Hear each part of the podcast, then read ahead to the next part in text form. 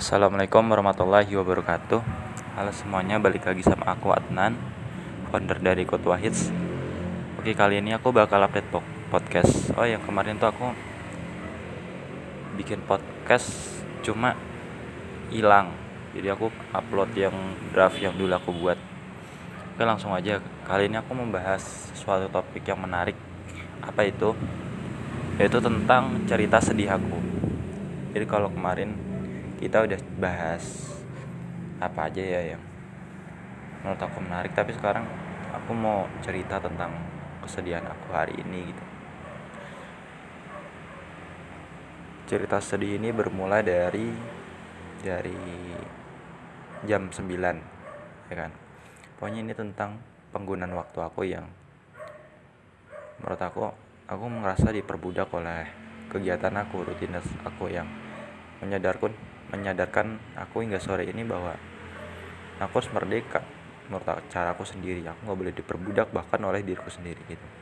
Jadi gimana sih ceritanya?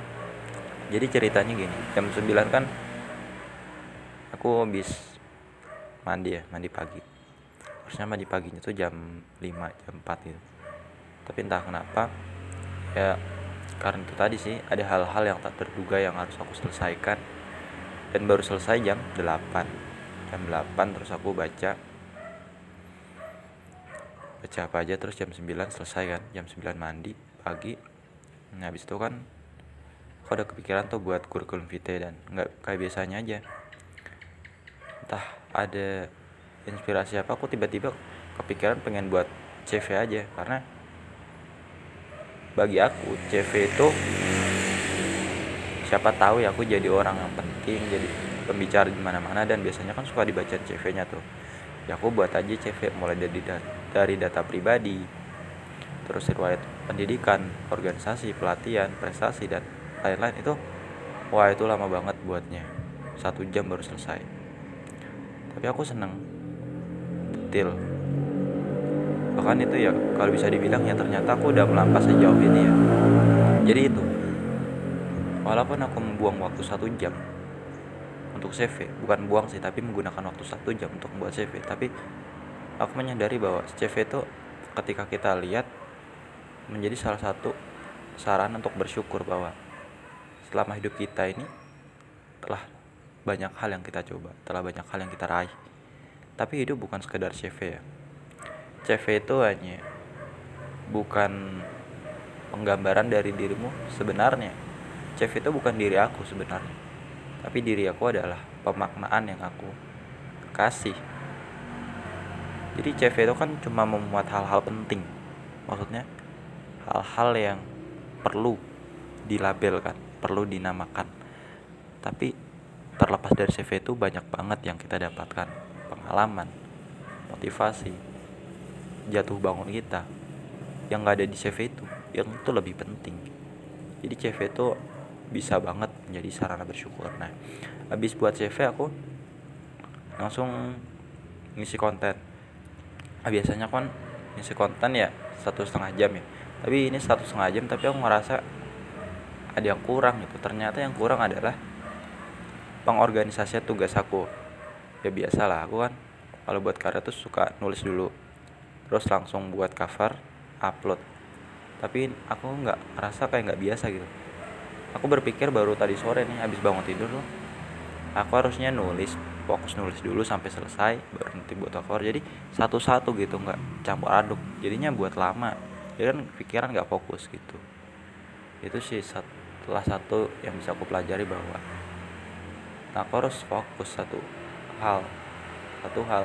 Jangan jangan mencar-mencar fokusnya. Walaupun target hari ini selesai ya dan lebih baik dari kemarin. Tapi masih aja tetap kurang dan harus diperbaiki besok hari. Nah jam setengah 12 aku udah capek banget tuh. Yang buat aku capek tuh sebenarnya secara pikirannya aku udah lemah motivasi lemah pokoknya lemah segalanya deh. Aku udah merasa kayak mau berhenti aja ya. Kayak yang terlebih aku tadi pagi juga ya bukan bad mood sih cuma merasa ngerasa kosong aja. Tapi sebenarnya ketika aku yakinin lagi diri aku bahwa ini akan bermanfaat aku kembali bahwa hidup itu penuh esensi dan kita sendiri yang akan mengisi esensi tersebut. Ya udah habis sholat zuhur terus baca baca baca apa aja terus aku tidur siang. Tadinya aku cuma mau tidur 30 menit tapi karena ada capek banget aku pusing. Udah aku tidur sampai jam 3 jam 3 kurang aku bangun-bangun langsung mikir aku banyak salah nih. Masih banyak yang harus aku pelajari hari ini. Aku tahu bahwa aku lemah motivasi itu karena aku nggak sadar akan hakikat tujuanku sebenarnya. Tiba-tiba aku tergeser niatnya. Nah ketika aku mengetahui niat aku udah bergeser aku kembali luruskan bahwa niat aku emang benar-benar bermanfaat walaupun itu nggak dihargai orang. Ya aku kan terus maju aku nggak peduli omongan orang. Orang lihat kayak mau orang enggak kayak. Aku tetap maju aja. Ya udah. Sebagai nambah motivasi aku nonton beberapa video Cak Nun. Bukan video sih lebih ke audio. Gak ada gambarnya soalnya. Itu aku adem banget. Karena aku emang bukan ngefans sih tapi senang aja sama uh, bukan gaya bicara tapi esensi isinya. Itu menyentuh banget dan ngena banget apalagi buat aku ya.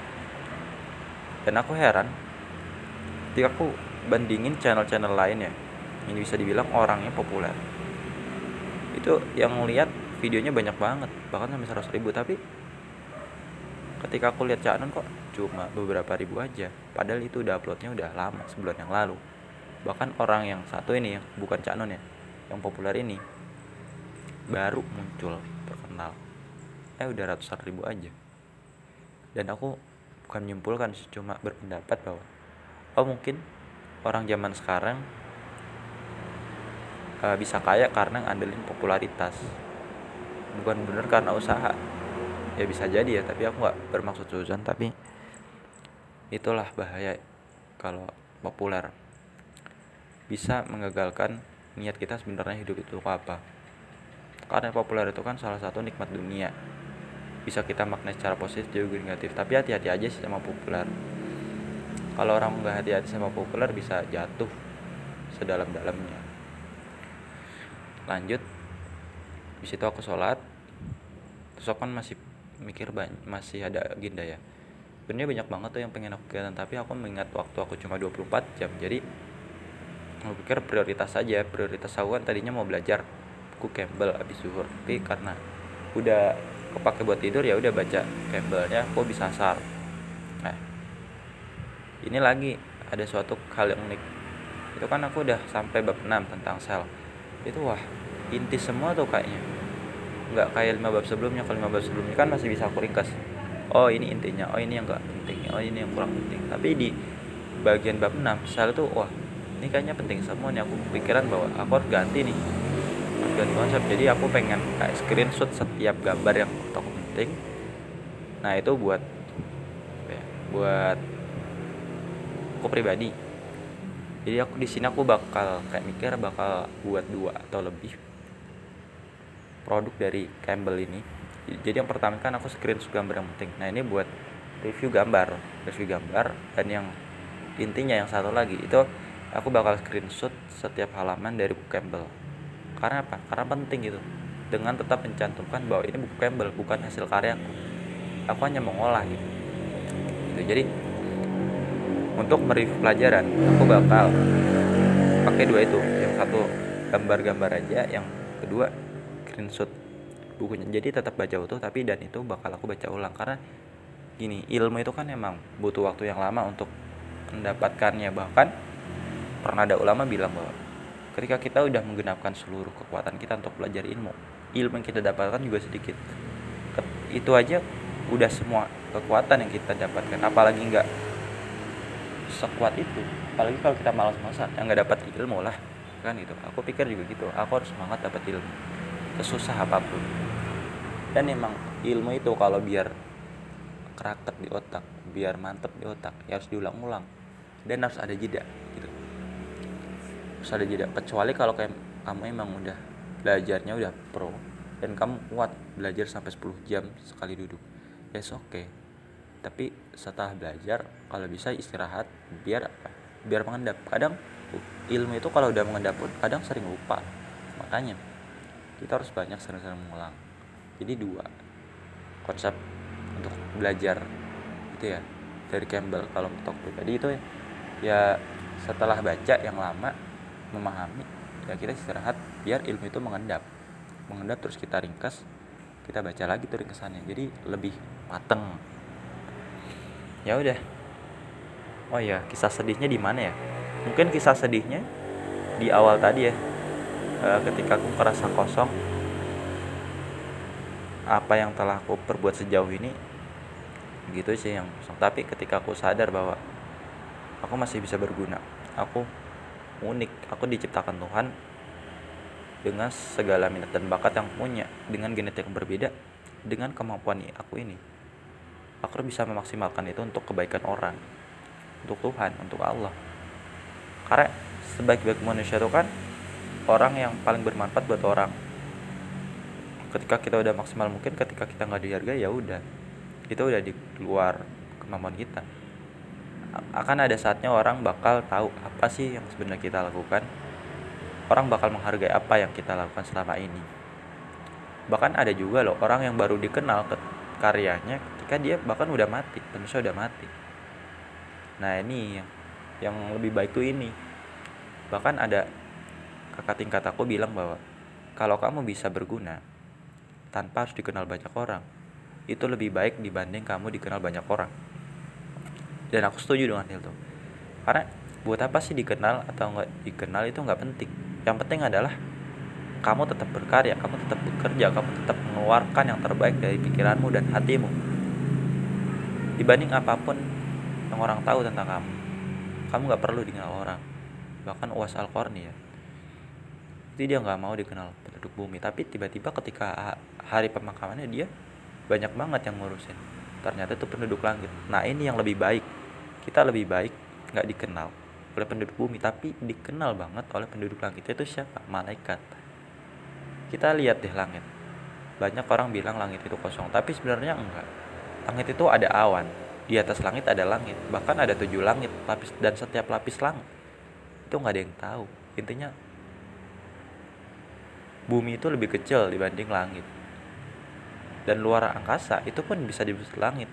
Dan batasnya wallahu alam hanya Allah yang tahu jadi ketika kita menyadari bahwa kita ini ngerasa gak berguna jangan berpikiran kayak gitu. Tuhan menciptakan kita itu unik berbeda dengan segala keunikannya kita bisa bermanfaat buat orang lain. Dan ketika kita ada niat ingin menyerah jangan. Kita sudah sejauh ini melangkah masa kita mau menyerah? Jangan. Teruslah berjuang walaupun gak ada yang melihat. Dan ketika gak ada yang melihat tetap tersenyum tetap bangga sama apa yang udah kamu hasilkan sejatinya kesuksesan yang baik itu adalah yang gak dikenal orang.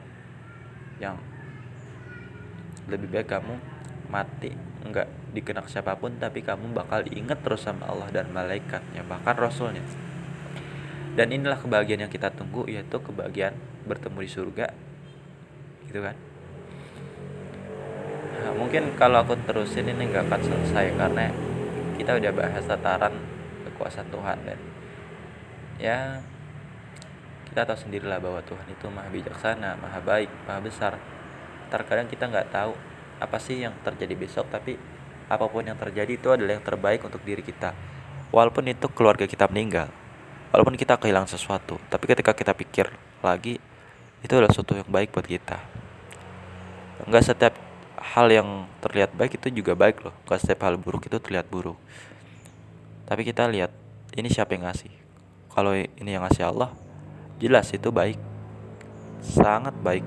Karena Allah tahu segalanya dalam diri kita. Oke mungkin podcast sore ini aku cukupkan ya. Kalau ada salah kata itu dari aku pribadi. Kalau ada manfaatnya itu dari Tuhan semata. Sampai ketemu di podcast selanjutnya. Wassalamualaikum warahmatullahi wabarakatuh